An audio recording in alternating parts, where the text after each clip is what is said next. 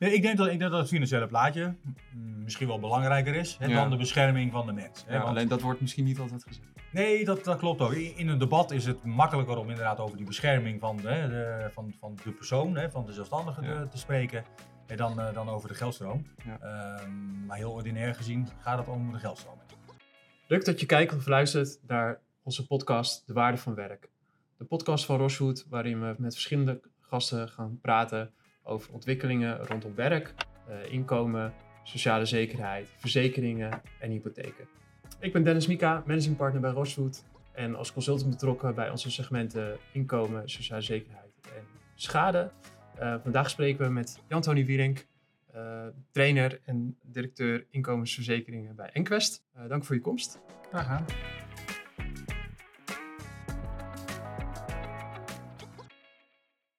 Volgens jouw LinkedIn-account hou je vooral bezig met de sociale eh, wetgeving rondom ziekte en eh, arbeidsongeschiktheid. Eh, maar ook hè, waar stopt de overheid? Ehm, eh, hoe zien we de markt en, en hoe dat speelveld er vooral uitziet? Ehm, aan wat voor thema's moeten we dan vooral denken? Ja, ik ben ehm, actief op het gebied van sociale zekerheid, maar dat is natuurlijk heel erg breed, hè, sociale zekerheid. Ik richt me met name op alles rondom de, de, de, de arbeidsomstandigheden, dus de arbo-kant, eh, ziekte, arbeidsongeschiktheid. Dat is met name mijn aandachtsgebied. En ik sla dus eigenlijk over de, de toeslagenregelingen en de, en de bijstandregelingen en dat soort zaken. Die komen eh, af en toe wel, wel zijdelings langs, maar Mhm. de hoofdmoot is ziekte, arbeidsongeschiktheid en al die thematiek daaromheen. Juist.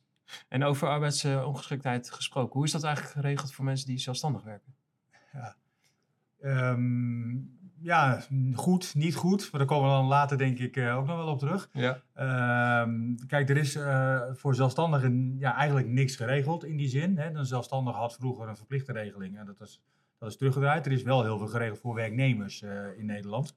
Ehm, ja, en ik, denk dat het ook voor de luisteraar eh, kijken wel goed is om gewoon stapsgewijs even door, te, door de materie heen te gaan. Ehm, ja, wat is er nu aan de hand in Nederland? Eh, dat is dat we ja, zitten in een bepaald klimaat eh, waarin in het verleden keuzes gemaakt zijn rondom deze thematiek, hè, rondom bij ziekte, et cetera. Ehm, en ja, mijn gevoel zegt dat we zo'n beetje langzaam aan het eind zitten van de keuzes die destijds gemaakt zijn. De, de effectiviteit is er een beetje uit aan het gaan. Eh, nou, we hadden de minister Koolmees, vorige regeringsperiode, we hebben nu mevrouw Van Gennep. En mevrouw Van Gennep eh, ja, heeft dit dossier hè, in zijn algemeenheid eh, op haar bordje gekregen en is nu ja, de lijn aan het uitzetten. Nou, en die lijn, daar komt straks eh, in dit gesprek ook de, de ondernemer en de zelfstandigen naar Ja. voren.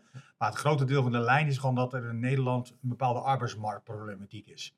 Ehm, we hebben tekort aan personeel, we vergrijzen, maar we hebben ook een verdeling tussen vaste werknemers, flexwerknemers. En bij die flexwerknemers hebben we natuurlijk ook te maken met zelfstandige ondernemers, hè, die die flexibele schil. eh, En verschillende inkomensniveaus. ja, eh, daarbinnen hebben we natuurlijk allerlei inkomensgradaties. hè. Je hebt eh, nou, bijvoorbeeld om wel bij die ondernemers te beginnen. je hebt ingehuurde, nou, laat ik ze noem maar even zeggen, bollenstekers eh, voor een tientje per uur. die als zelfstandig opereren. Maar je hebt ook ingehuurde interim managers voor 300 euro per uur. Ja. Ja, er zit dus een, eh, hele grote gradatie in. Maar even terug naar eh, wat Van Gennep nu momenteel aan het uitzetten is. Dat is eigenlijk die grote rode draad. Hoofdthema is de arbeidsmarktproblematiek. Ja, daarbinnen eh, speelt van alles, want ja, mensen kunnen uitvallen wegens ziekte. Nou, dan heb je ook eens hè, een thematiek rondom de loondoorbetalingsverplichting bij ziekte en de reintegratie, die daar eh, aan gekoppeld is. Hè. Dat is eigenlijk het tweede hoofdonderwerp van haar. Dus Ja. Arbeidsmarkt, loondoorbetaling bij ziekte. Eh de derde thema is de. Hè, bij- rondom de is gebeurt van alles. Hè, vastlopend UWV, eh, oplopende WIA-instroom. eh, dat soort dingen. Nou, en de vierde, dat is de, de verplichte AOV, die Ja. er eh, ja, aan zit te komen, niet aan zit te komen. Ehm, als het aan politiek ligt, komt die er. Maar of die ook werkelijk gaat komen, dat Ja. is dan nog te zien. Nou, en dat, dat is antwoord op jouw vraag. Hoe is het geregeld? Nou, nu is er niks geregeld, maar er komt een AOV. En die discussie is volgens mij enorm actueel momenteel. En dat is misschien ook een mooi bruggetje eh, naar onze eerste rubriek. Jij volgt die discussie natuurlijk op de voet en heeft, daar- hebt daar vast ook een, eh, een eh, nou, misschien wel uitgesproken mening over. Ehm, en onze eerste rubriek is eh, waardevol of waardeloos. Ehm, ja, wat is jou, in jouw ogen eigenlijk waardevol aan het idee voor een eh, eh, ondernemers-AOV? En misschien voor de kijkers en luisteraars een AOV hebben we het dus over een arbeidsongeschiktheidsverzekering. Ja, voor, voor zelfstandigen in dit geval. Voor dan. zelfstandigen, inderdaad. Ja. Goed punt. Ja, waarde, waardevol. Ehm, waardevol in die zin, ik, eh, ehm, kun je van twee of drie kanten bekijken. Uh, allereerst hebben we de ondernemer zelf. Hè. Stel dat die heeft geen enkele regeling getroffen, wat een werknemer dus wel heeft. Hè. Via de werkgever heeft een werknemer van alles ja, aan bescherming uh, geregeld, de ondernemer niet. Nou, dan kan het gebeuren dat zo'n uh, ondernemer ook getroffen wordt door lichamelijk leed, door ziekte of een ongeval of wat dan ook. Ja, en dan is er geen financiële rugdekking, als het ware. Um, nou, dat kan verkeerd uitpakken. Hè. Dat, dan, dan, ja, dan heb je niks meer uiteindelijk. En dan heb je in ons sociale stelsel uiteindelijk de bijstand. Maar ja, de bijstand moet je vermogen opeten. Je hebt uh, toetsing van gezinsinkomen. Dus heeft de partner ook inkomen, dan uh, blijft er weinig over. En voor een stukje financiële bescherming vind ik het ja, waardevol. Ja. Ligt alleen aan de vorm, hè, maar daar komen we straks nog wel eventjes op terug. Um, voor, vanuit de ja, die arbeidsmarktproblematiek, hè, die concurrerende werking tussen vast en flex, en, en waaronder ook de, de ZZP'er dan valt, of de, ja, de ondernemer valt, um, ja, is het ook wel waardevol. Want er wordt nu gewoon op hele rare manieren geconcurreerd in de arbeidsmarkt. En wat ik al noemde net, hè, de goedkope ingehuurde bolle plukker of peller. Uh, ja, is, is, dat, is dat redelijk dat, dat, dat die als, als zelfstandige gezien wordt? Schoon, schoonmaker, maaltijdbezorger. Ja, de, ja inderdaad, dat is een voorbeeld. Ja, ja. ja. ja. dus uh, ook vanuit de concurrentie in de arbeidsmarkt um, ja, is het waardevol om, om dingen gelijker te trekken. En in dit geval trek je dingen gelijk, want ja, als een AOV komt, gaan de kosten van de, ja, de, die personen ook omhoog. Uh, terwijl de kosten van de werknemer natuurlijk ook op een bepaald niveau zitten. Dan wordt dat wat gelijker. Ja, dus op dat punt vind ik het waardevol. Snap ik. En um, op welke punten vind je het, uh, nou, laten we zeggen, minder waardevol? Of slaat de overheid de plank mis? Ja, nou, laat ik dan waardeloos noemen. Hè. Waardeloos, als, als, als, dat is uh, inderdaad ja. uh, meer in lijn met de rubriek. ja, um, ja dat, dat momenteel dus gekozen wordt voor een, voor een, een, een, systeem waarbij eigenlijk alle ondernemers over één kam geschoren worden. Ja. Um, je hebt ondernemers, wat ik al noemde, hè, voor 300 euro per uur, voor een tientje per uur. Uh, je hebt ondernemers met personeel, zonder personeel. Uh, ja, dus het is van alles, van alles gaande. Je hebt natuurlijk ook mensen die, die, die, die financiële rugdekking eigenlijk helemaal niet nodig hebben, bijvoorbeeld. Hè, die vol, voldoende vermogen hebben of iets dergelijks. Uh, ja, ga je daar een soort eenheidsworstproduct voor maken, ja, dan zul je natuurlijk een hele grote groep zul je daar weer gelukkig maken op een of andere manier. Althans, maar daar hebben ze in ieder geval een bepaalde basis. Maar je zult ook een groep hebben die zegt van ja, maar daar heb ik niks aan. Dat, dat past niet bij mij. Nee. Want het is al een beetje duidelijk hoe dat dan uit moet komen uh, te zien, die, die verplichte ja, AOV. Ja, dus terecht dat je zegt een beetje. Uh, nee, de, het idee van de verplichte AOV, dat heeft een hele lange voorgeschiedenis. Uh, we hadden in het verre verleden ooit een verplichte regeling, hè, de WAZ, de Wet Arbeidsongeschiktheidsverzekering voor zelfstandigen. En die is in 2004 afgeschaft, om allerlei redenen. Nou, we zijn nu 18 jaar later en nu moet er weer een, een verplichte regeling komen. Nou, dat die verplichting moet komen, dat is in 2019 op de proppen gekomen bij een ja, bij een overleg, bij een akkoord over het pensioen. Het pensioenakkoord.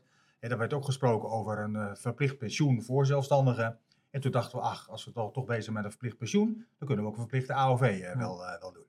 Nou, in die onderhandelingen, heel grappig, is het verplichte pensioen geschrapt.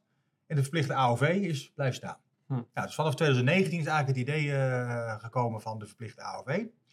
Toen is heel langzaam ja, wat marktvraag uitgezet. Zo hoe moet die er dan uitkomen te zien. En heeft de Stichting van de Arbeid heeft daar een rapport over geschreven.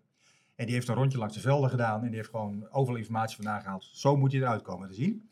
En dat is een echt een heel mooi product. Uh, met allerlei maatwerkkeuzes uh, rondom de, de, lengte van de eigen risicoperiode. De periode die je zelf moet overbruggen. De hoogte van de dekking, en, et cetera. Um, toen ik dat rapport las, hè, dat voorstel van de Stichting van Arbeid, dacht ik, ah, dit gaat hem nooit worden, hè, want het is gewoon te complex. Hè. Dit, is, uh, dit is niet uit te voeren op een of andere manier. Maar dat werd dus de basis. Nou, daar werd over gesproken verder. Toen is er gesprek gevoerd vanuit het ministerie met de, de, ja, de beoogde uitvoerders, Belastingdienst en UWV. Van, kunnen jullie dit, hè, als, we dit, uh, als dit de wens is? En nou, toen kwam langzaam de kaasschaaf uh, aan bod. Van, heel langzaam werden dus dingen uitgehaald. Uh, wat niet meer, uh, ja, wat eigenlijk niet, niet kan of niet, uh, niet makkelijk is. Niet uitvoerbaar is. Ja, niet uitvoerbaar is. Ja. ja, en uiteindelijk, en dat is ongeveer een maand geleden, is er een debat geweest in de Tweede Kamer. waarin mevrouw Van Gennep aangegeven heeft dat er nu keuzes gemaakt zijn. Ja, en dat, dat wil je, dat, dat doel je op van ja, hoe, hoe komt die uit te zien. Nou, de eerste keuze is bijvoorbeeld al dat het niet alleen maar voor ZZP'ers geldt, maar voor alle ondernemers. En dat is een verschil, want de ZZP'er heeft geen personeel. En ondernemers hebben ook personeel. Ja. Dus ondernemers uh, met 200, 300 man personeel bijvoorbeeld. En ook directeuren, groot aandeelhouders. Die gaan die ook ondervallen. Hm. Nou, dat was ooit niet de discussie, want het ging enkel om de ZZP'er. Maar oké, de groep is dus groter geworden, waarvoor dit gaat gelden.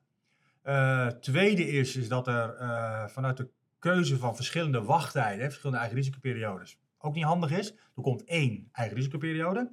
Wat die gaat worden, dat is nog een kwestie van onderhandelen, maar er gaat er één, één worden. En de laatste wat, ja, waar wat, wat discussie over is en wat wel spannend gaat worden, dat is de, de vraag of mm, ondernemers die al een AOV hebben, of die vrijgesteld worden van de verplichting van die AOV. Uh, dat heet dan met een heel mooi woord een opt-out regeling. Nou, en de minister heeft al aangegeven dat de opt-out regeling op zich wel besproken kan worden als optie in de Kamer. Hè, zo van, nou, dat, dat zou wel kunnen, maar is wel reuze ingewikkeld. En dat snap ik ook wel, want iemand moet dan gaan controleren of, ja, of mijn AOV, die ik dan heb, of dat een goede AOV is, waardoor ik niet een verplichte AOV hoef te doen. En wat nou als ik mijn AOV opzeg? Of wat nou als ik mijn AOV uh, verhoog, verlaag uh, of iets dergelijks? Waar je misschien ook al jaren voor betaald hebt. Ja, ja dat bijvoorbeeld. Maar ook, hoe gaat dus, de, dus, nou ik denk in dit geval de Belastingdienst, jaar in jaar uit controleren of ik onder die verplichte regeling uit mag komen? Ja. Ja, dat is natuurlijk wel te organiseren, maar wel ingewikkeld. Ja, nou, de minister heeft aangegeven, om het tijdspad even helder te hebben, de, de eenvoudige AOV, die zou waarschijnlijk in 2017 uh, geïntroduceerd kunnen worden. 27. Wordt, sorry, 2027, excuus, ja. Geef niet. en de, de complexere AOV, dat zou dan 2029 worden, dus twee jaar later. En voor wie is dan de eenvoudige? Ja, de eenvoudige is dus de, de zonder opt-out regeling, met andere woorden voor iedereen. Ja. En de opt-out regeling, dus die keuze die je in moet bouwen om te checken uh, of mensen onder die vrijstelling uit kunnen komen, is uh, dan uh, de ingewikkelde versie en die is in 2029. En wat ik me ook nog af zat te vragen, hè, wie bepaalt dan eigenlijk de hoogte van het verzekerde bedrag? Want, uh, nou ja, zoals je zelf ook al aangaf, er zit een enorm verschil in tussen de ene ZZP'er die misschien uh, inderdaad voor een tientje per uur uh, relatief eenvoudig werk moet doen. Um, en en de, de consultant die zichzelf verhuurt voor 300 ja. euro per uur. Ja, de, de, de, vanuit dat rapport van de Stichting van de Arbeid is een soort basis gekozen. En die basis die komt uiteindelijk uit op een op een, een, een uitkeringsbedrag bij volledige arbeids- rond het minimumloon. Hm. Uh, nou, en dan, dat is dan 70%. Dus als je het minimumloon van nu deelt door 70%, hè, dan kom je dus op een bruto loon of een bruto inkomensbegrip uit. En dat zal er ergens rond de 32.000 euro liggen. Dus je betaalt ergens rond de 32.000 euro premie. En de uitkering die dan volgt is 70% daarvan ja. bij volledige arbeids- En ja. de rest moet je dan zelf maar regelen. Dus die voor een tientje werkt, die heeft een mooie dekking. En die voor uh, 100, 200, 300 euro per uur werkt, ja, die uh, komt tekort. Ja, en tegelijkertijd is het voor degene die dat tientje verdient uh, misschien best een uitdaging om die premies op te hoesten, kan ik me zo voorstellen. En dat wordt inderdaad de volgende stap, want wat gaat dit dan kosten? Ja. Ja, dat, uh, dus er, gaat, er gaan er wel wat uh, strijdgevoeren. En dat is wat, ja, maar wat interessant, ook interessant is, is dat de minister bij dat overleg in de Tweede Kamer dus aangegeven heeft, ik wil een bepaald tijdspad uitstippelen. En dat tijdspad is dus dat het de wetsvoorstel in 2025 uh, ingevoerd gaat worden. Hè, waardoor je dus tijd krijgt om het te bouwen en te introduceren en zo. Maar dat de behandeling, hè, dus de, de, de, de, internetconsultatie en alle soort dingen, nog in 2024 plaats gaat vinden. Uh, 2023 en 2024. En dat is interessant, want dat zijn namelijk verkiezingsjaren. Ja. Dus het zou zomaar eens een verkiezingsonderwerp kunnen worden. En dan wordt het ineens uh, een politiek onderwerp. Dan wordt het, meer ja, nog. Ja, ja. ja. dus um, ik ben heel nieuwsgierig. Hè, ja. of je, en want er zijn er rond 1,3 miljoen ZZP'ers, als je de getallen mag geloven. En of je als, als politieke partij uh, het aandurft om 1,3 miljoen ZZP'ers tegen het harnas te jagen. Ja, ja precies. Dat even over de kosten. Hè? Want als Ja, het heel ja, duur ja. gaat worden, ja, dan trek je natuurlijk geen stemmers. Nee. Nou ja, en misschien is het natuurlijk ook het idee om mensen meer in loondienst te bewegen. Dat zal ongetwijfeld ook mee te maken hebben. Ja. Vermoed ik zo. Ja, nee, wat, dat, is- dat is inderdaad ook een mooi aandachtsgebied. Want we hebben het echt over de AOV. Maar die AOV is natuurlijk wel onderdeel van wat mevrouw van Gennep en wat de politiek eigenlijk wil met onze arbeidsmarkt. En die concurrentie bijvoorbeeld, hè, meer gelijk trekken Ja. tussen werknemers en, eh, en ZZP'ers. Ehm, nou, en als je bijvoorbeeld de kosten van de, eh, ja, de ZZP'er hoger maakt, hè, dan wordt daarmee het, ja, de interesse om als zelfstandige te werken wordt natuurlijk ook eh, wat, eh, wat kleiner.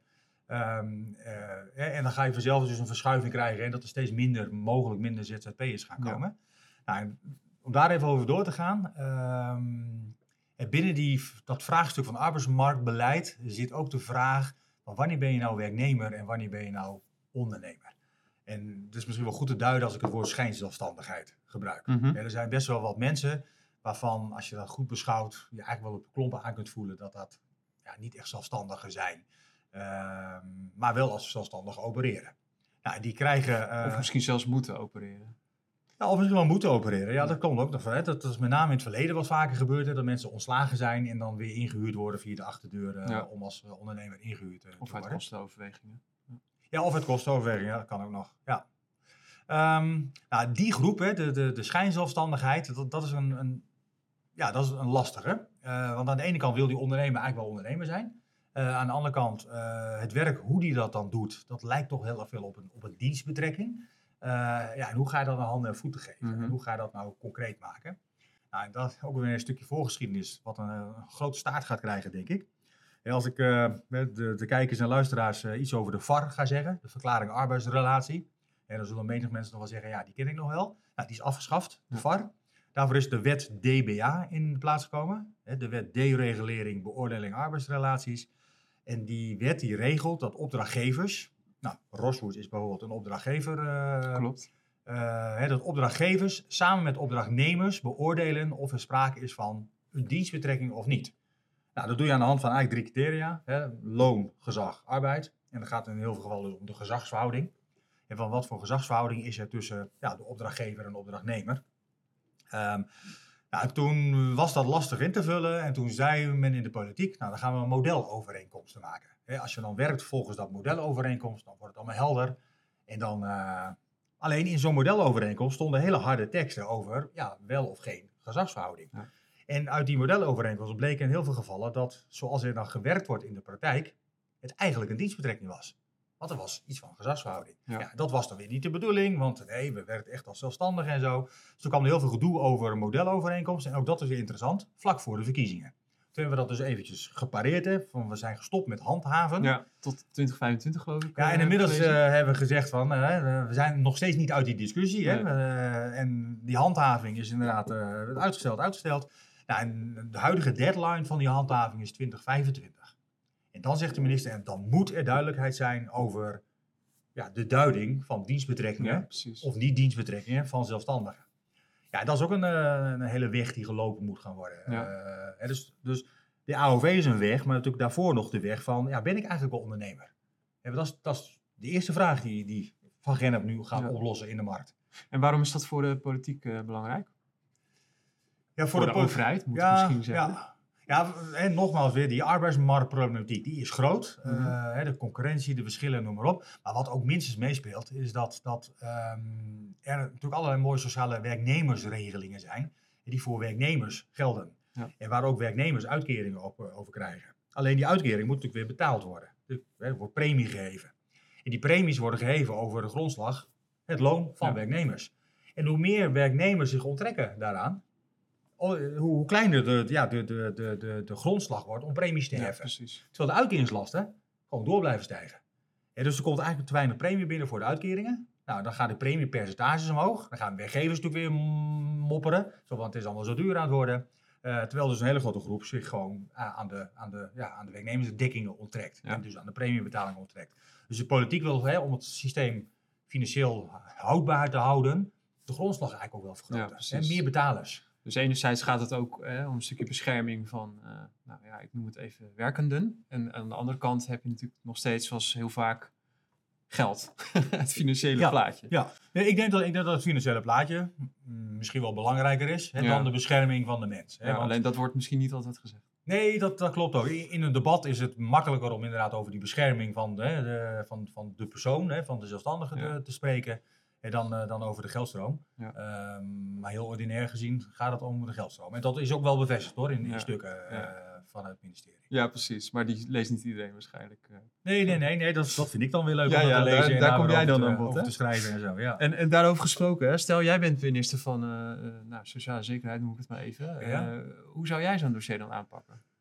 Ja, ik, vind het een heel lastig, lastig, lastig vraagstuk. Ehm, maar ik zou wel zorgen dat, dat, ehm, ja, dat dingen wel uitvoerbaar zijn. Eh, we zijn in Nederland een beetje ja, doorgeslagen in, in, in best wel heel complexe regelingen. Eh, en die complexe regelingen blijken ach- achteraf gewoon onuitvoerbaar te zijn. Ehm, ik noem even een toeslagenaffaire bijvoorbeeld. Hè. Dat, dat, dat is lastig om daar grip op te krijgen en, en ook door te pakken. Maar ook bijvoorbeeld in de WIA. eh, het is heel moeilijk om, om ja, om, om die keuzes die gemaakt zijn, om daar, om daar wat, wat, wat eenvoudig, vereenvoudigingen aan te brengen. Nou, dus ik zou, mijn voorkeur zou hebben eh, om, om het wel eenvoudig te maken. En dus eh, een standaard product ervan te maken. Want anders is het gewoon niet uitvoerbaar. Nee. Eh, dus dat, dat in eerste instantie. Ehm, daarmee zorgen we er natuurlijk wel voor dat je ja, heel veel van die ondernemers toch wel tegen, tegen de schenen schopt. Van ja, maar zo'n standaard product heb ik niks aan, want ik, ik ben uniek. Eh, nou, dat begrijp ik ook wel. Maar politiek gezien moet je soms ook wel keuzes maken. Ehm, maar waar ik veel meer op door zou pakken, eh, is niet die AOV zelf, eh, echt als, als dekking. Uiteraard wel als soort vangnet. Maar ik zou veel meer doorpakken op die schijnzelfstandigheid. Ik denk dat er heel veel werknemers ehm, of, of personen aan het werk zijn die feitelijk als werknemer aan het werk Ja. zijn. En ja, die, die onttrekken zich nu voor een deel uit, uit, uit het systeem. Ja. Daar zou ik mijn focus op leggen. En dat is misschien ook in hun belang. Vaak misschien zelfs. Ja, ja, want, ja, dan, ja, want daar hangt dan weer dus de bescherming van de werknemerskant eh, op. Maar ja, dan moet je dan ook meteen weer naar kijken. Hè. Dan zal de werkgever zal zeggen, oh ja, alles komt weer op mijn bordje te liggen als werkgever. Nee, ook daar zou ik aan willen sleutelen. Ik zou, eh, de, de, de, ja, ik zou meer verantwoordelijkheid bij de werknemer neerleggen, Hm. of bij de persoon neerleggen. Eh, in die zin dat hij ook ja, financieel ergens wel geprikkeld wordt om, om, om keuzes te maken waar die duurzaam inzetbaar kan blijven. Eh, en als hij dan toch ziek wordt, dat hij dan ergens ook wel aanvoelt dat, dat, dat, ja, dat reintegratie in zijn belang is of in haar belang is, et cetera. Ik denk dat nu te veel eh, eenzijdig gericht is op de kant van de werkgever. Waardoor werknemers en dan straks als de ondernemers er ook onder vallen, eh, ja, een soort van bescherming hebben. Ja. Ehm, en daarmee dus ja, makkelijke keuzes maken die misschien niet fijn zijn voor duurzame zetbaarheid van werkend Nederland. Ja, precies. precies. Ehm, Maar Nou, het blijft een over lastig thema hoor. Ik, ik, gun van Gennep van alles, mevrouw van Gennep. Dat is heel moeilijk dit. ja, in positieve zin Ja, dat, positieve zin, Ja, ja. Ehm, ja, dat eh, maakt eh, misschien een mooi bruggetje naar onze volgende rubriek, toekomstwaarde.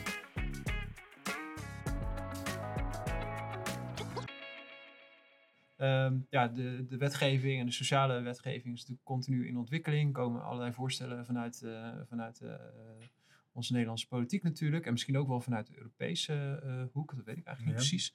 Ehm, welke ontwikkelingen zie jij wel tot stand komen in de in, nou, misschien nabije toekomst of eh, de toekomst? Ja, ik, nou, ik zie die AOW, die zie ik eraan komen. Ik zie ook eh, dat mevrouw van Gennep ook doorpakt op dat, op dat begrip arbeids, of, gezagsverhouding en daarmee dus de zelfstandigheid. Ehm, ik zie dat, nou ik wens het, laat ik het dan zo zeggen. Mhm. En ik hoop dat ze daarop doorpakt. Ehm, nou, die AOV die gaat er komen. Ik denk dat er, dat er binnen de, de werknemersregeling ook een versobering gaat komen. Hè? Dat de via ja, langzaam aan het eind eh, aan het raken is. Ehm ja, verzin ik niet zomaar hè, als, als idee. Maar de, de huidige minister van Gennep dus, die heeft een, een commissie aangesteld. Of die wordt één deze dagen aangesteld. eh, Die een eh, toekomstblik gaat, gaat schetsen op, op, op de toekomst van ons stelsel. Nou, er is een jaar of twee, tweeënhalf geleden al een rapport verschenen van meneer Borslap, hè, commissie Borslap, met een stuk toekomstvisie. Nou, daarin staat dat, dat, dat gewoon een aantal dingen wel anders moeten. Ja. Ehm, en ja, daar denk ik dat het, dat het wel anders gaat. Nou, wat, zal, wat gaat dan anders? Nou, versobering van, eh, van ons systeem. Eh, vereenvoudiging van het systeem. Hè, want het is gewoon zo complex dat het allemaal niet uit, niet, niet uit te voeren is. Ehm, ja, en ik denk ook meer verantwoordelijkheid, wat ik dan eh, net al noemde, van de werknemer zelf eh, daarin. En wat wordt nu heel erg makkelijk afgeschoven op, ja, op anderen. En ik denk dat dat ja, op langere termijn ook niet, niet, niet, niet goed is voor, eh, voor werkend Nederland. En denk je dat elke beroepsgroep daar ook toe in staat is om, om dat stukje eigen verantwoordelijkheid te pakken en, en meer eigen regie te nemen? Ehm, ja, dat is ook altijd weer lastig. Hè? We- In principe zeggen ja, hè? want het moet niet zo ingewikkeld zijn hè? Dat, je, dat je voor je Nee, eigen dat gezondheid zo. en voor je eigen werk eh, kunt, eh, kunt zorgen. Ehm, de omschakeling van, laat ik zeggen, naar verzorgingsstaat, naar, naar, naar, naar voor jezelf een beetje zorgen, dat is natuurlijk een hele grote stap. Ja. En dat zal wel stapsgewijs moeten gaan. Hè? Dat mensen ja, wel bewust zijn van het feit dat, dat, ja, dat het anders is geworden. Ja, En, daarom zal de politiek ook echt wel voor kiezen om dat eh, stap voor stap te doen. En of de politiek ervoor kiest, dan anders zal de druk uit de maatschappij wel zo groot zijn om dat gewoon stap voor stap op te Dat pakken. eh, lijkt mij ook. Ja. Ja. Ehm, ja, je kent Roosvoet natuurlijk ook een beetje. Wij werken ook veel met zelfstandigen samen, eh, als Ja. ik het even zo mag noemen. Eh, hoe zie je dat voor ons veranderen? Ja, hoe zie ik dat voor jullie veranderen? Nou, ehm, eh, weer een toekomstblik hè, waar ik niet helemaal helder heb. Maar jullie zijn natuurlijk als Rosewood ja, opdrachtgever. Opdrachtgever, ja, precies. Uh, die werkt met opdrachtnemers. De vraag is dus, hè, als, als, ja, als mevrouw Van Gennep in die wetgeving doorpakt op het begrip gezagsverhouding en hoe dat nou te duiden valt, ja, dan is het voor jullie interessant om die discussie te volgen. Van wat maakt nou dat, dat, dat wij als Rosewood mensen inzetten die niet op onze loonlijst staan, uh, maar waarvan wij wel, wel een stuk bemiddeling doen als het ware. En Ja. misschien ook wel ja, een stuk opdracht geven. Ehm, ja, en dat- die discussie die is denk ik voor jullie relevant. eh, Ja, omdat, ja, omdat daaruit gaat blijken of je, ja, of je met, eh, met een constructie werkt wat op langere termijn houdbaar is of niet. Ja. om voorbeelden te geven. Het Deliveroo, hè, de, pe- de, de bezorger, ja, die trekt zich terug uit Nederland. Omdat zij de discussie over, ja, over de bezorger, is hij nou wel of niet in dienst? Ja. Eh, ja, die discussie is voor hun een hele vervelende. Want mocht hij in dienst komen, hebben zij dus in één keer eh, 2.000, 3.000 werknemers in dienst.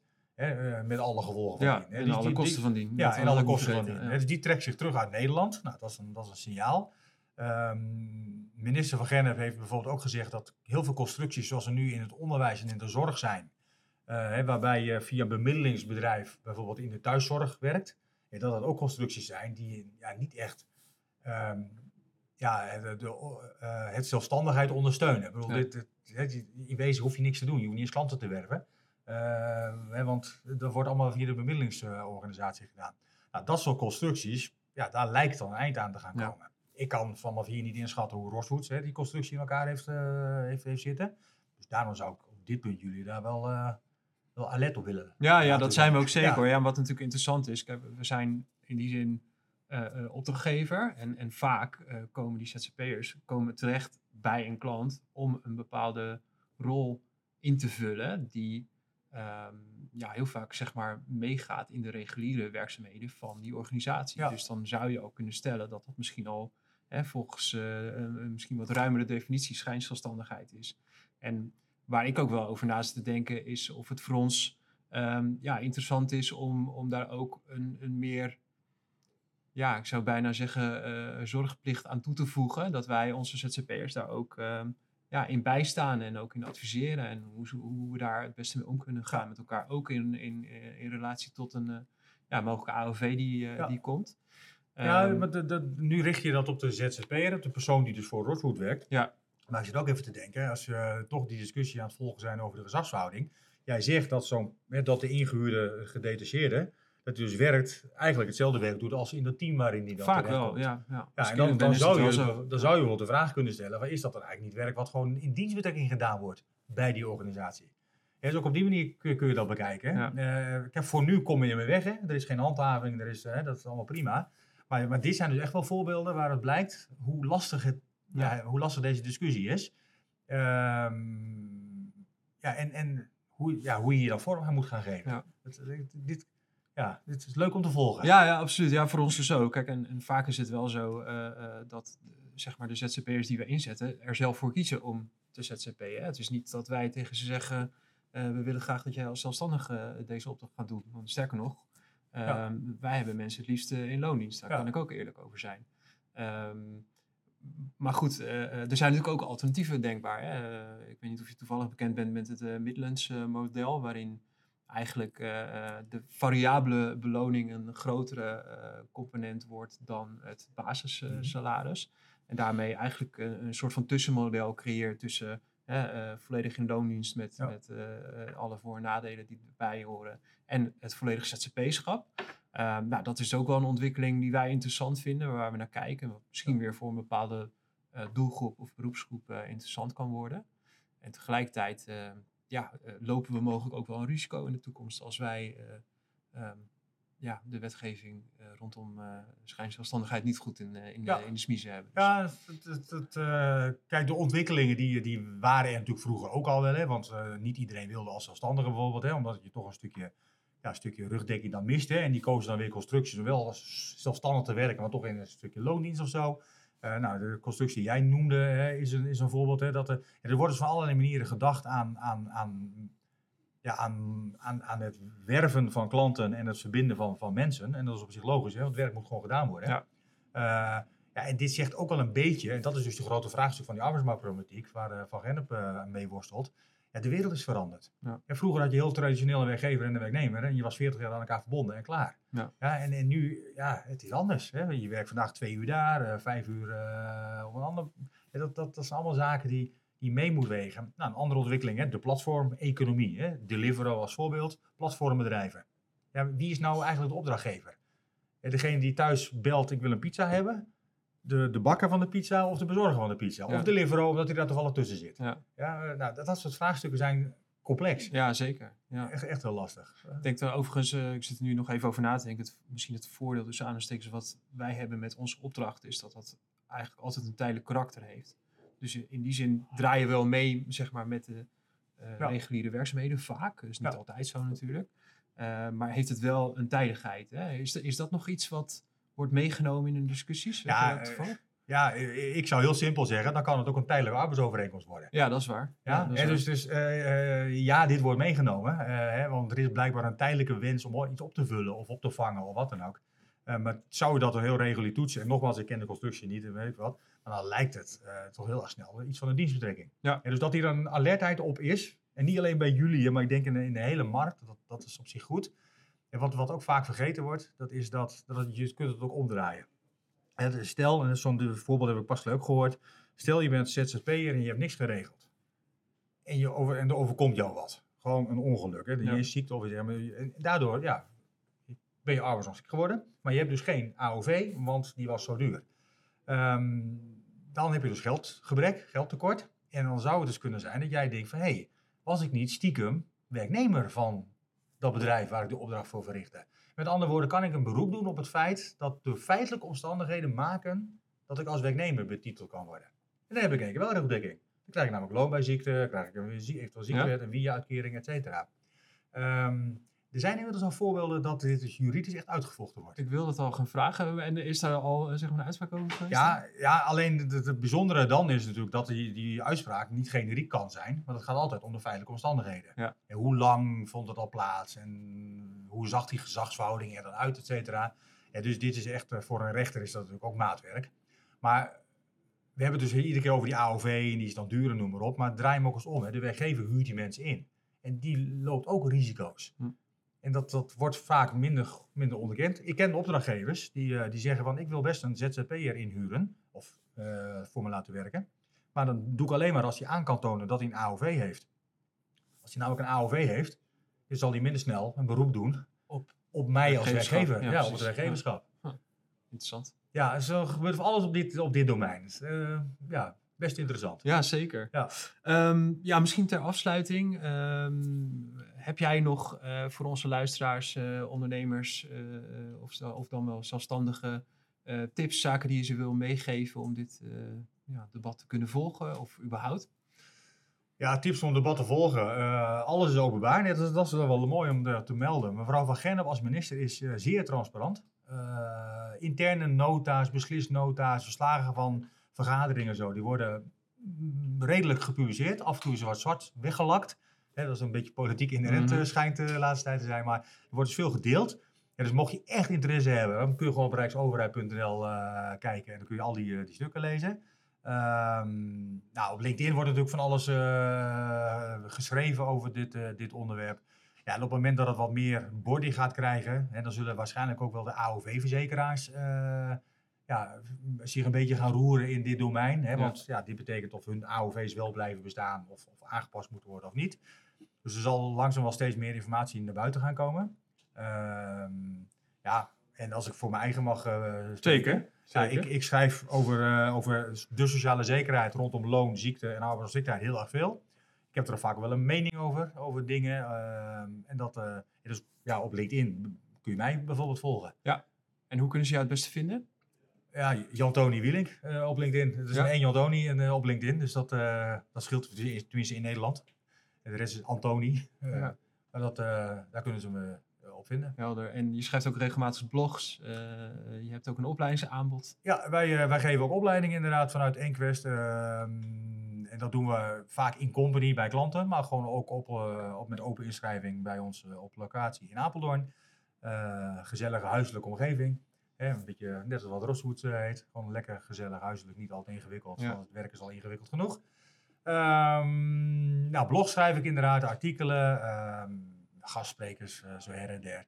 Ehm, en inderdaad, eh, ook voor Roswood eh, treed ik regelmatig op om de, ja, de specialisten die hier al actief zijn, nog specialistischer te maken. Ja, klopt.